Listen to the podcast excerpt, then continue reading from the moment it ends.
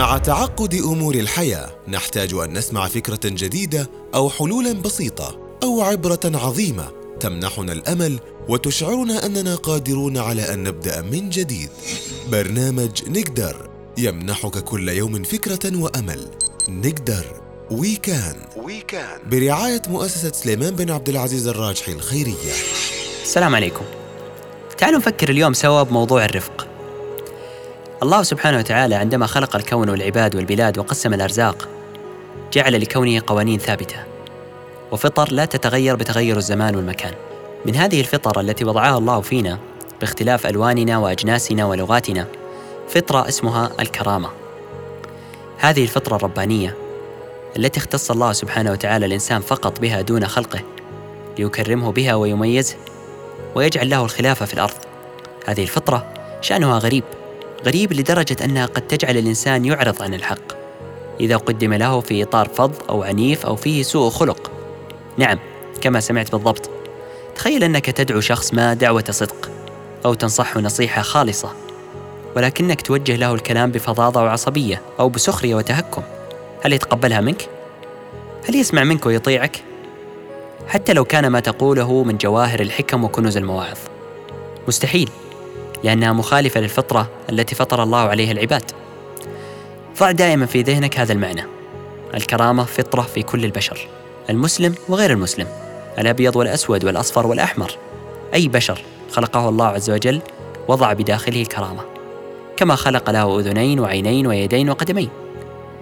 إذا تخلى الإنسان أي إنسان عن هذا المعنى فإنه فقد أكبر قيمة ومعنى لهويه الإنسانية. التي تميز عن الحيوانات وباقي المخلوقات وهذا مخالف للتكريم الذي كرمه الله به. لهذا السبب وجه الله لنا أمرا في قرآنه الكريم عندما قال عز وجل ادعو إلى سبيل ربك بالحكمة والموعظة الحسنة.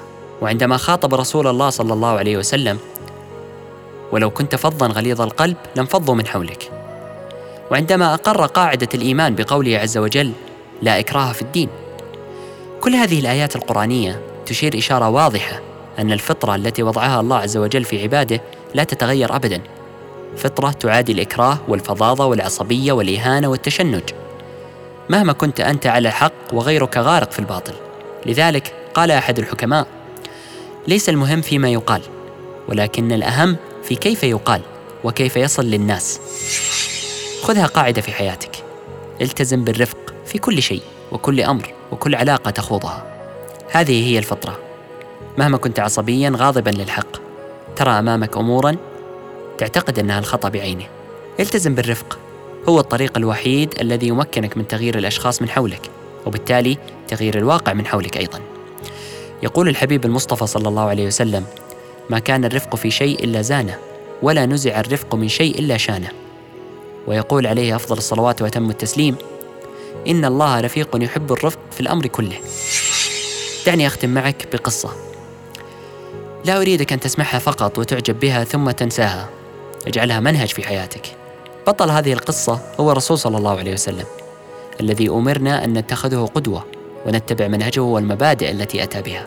فبينما كان الرسول صلى الله عليه وسلم جالسا بالمسجد وعنده أصحابه إذا بأعرابي يدخل ويقضي حاجته وعزكم الله في المسجد. فلما رأى الناس ذلك زجروه وهموا به.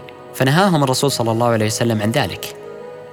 فلما قضى الرجل حاجته أمر النبي صلى الله عليه وسلم بدلو من الماء وأريق على فضلات الرجل.